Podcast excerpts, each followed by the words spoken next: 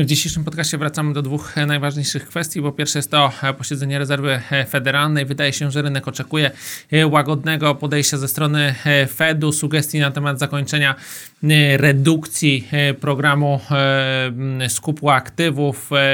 On był redukowany przez ostatnie miesiące, natomiast biorąc pod uwagę, że sytuacja makroekonomiczna w USA jest mniej sprzyjająca do zacieśniania polityki pieniężnej, więc najprawdopodobniej ta redukcja stosunkowo szybko może się zakończyć. No oczywiście perspektywa przyszłych stóp procentowych to jest druga kluczowa informacja, jak ta ścieżka się obniży w porównaniu do do ścieżki z grudnia. Wydaje się, że maksymalnie jedna podwyżka stóp procentowych w tym roku i być może w ogóle bez podwyżek w przyszłym, a być może również E, będziemy mieli jakąś rewizję w dół e, długoterminowych stóp procentowych. Także e, sporo możliwości, sporo możliwości również podczas konferencji, żeby zasugerować łagodniejsze podejście ze względu na kwestie globalne, ze względu na słaby początek roku w Stanach Zjednoczonych, ze względu na doniesienia dotyczące handlu zagranicznego. Także wydaje się, wydaje się, że to raczej może być słabe popołudnie dla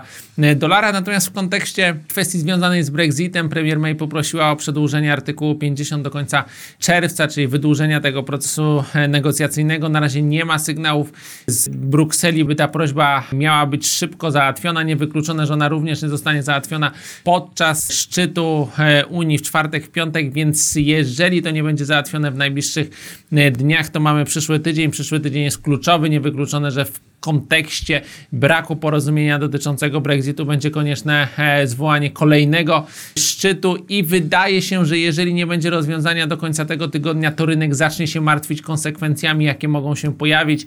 Czy to cały czas od tego chaotycznego Brexitu, który wydaje się nadal mało prawdopodobny, jednak do konsekwencji polityczno-gospodarczych roszad w brytyjskim parlamencie, zmian wcześniejszej elekcji, przedterminowych właśnie wyborów do e, Izby Gmin i kolejnych miesięcy niepewności, także wydaje się, że te wydarzenia są negatywne e, dla brytyjskiej waluty.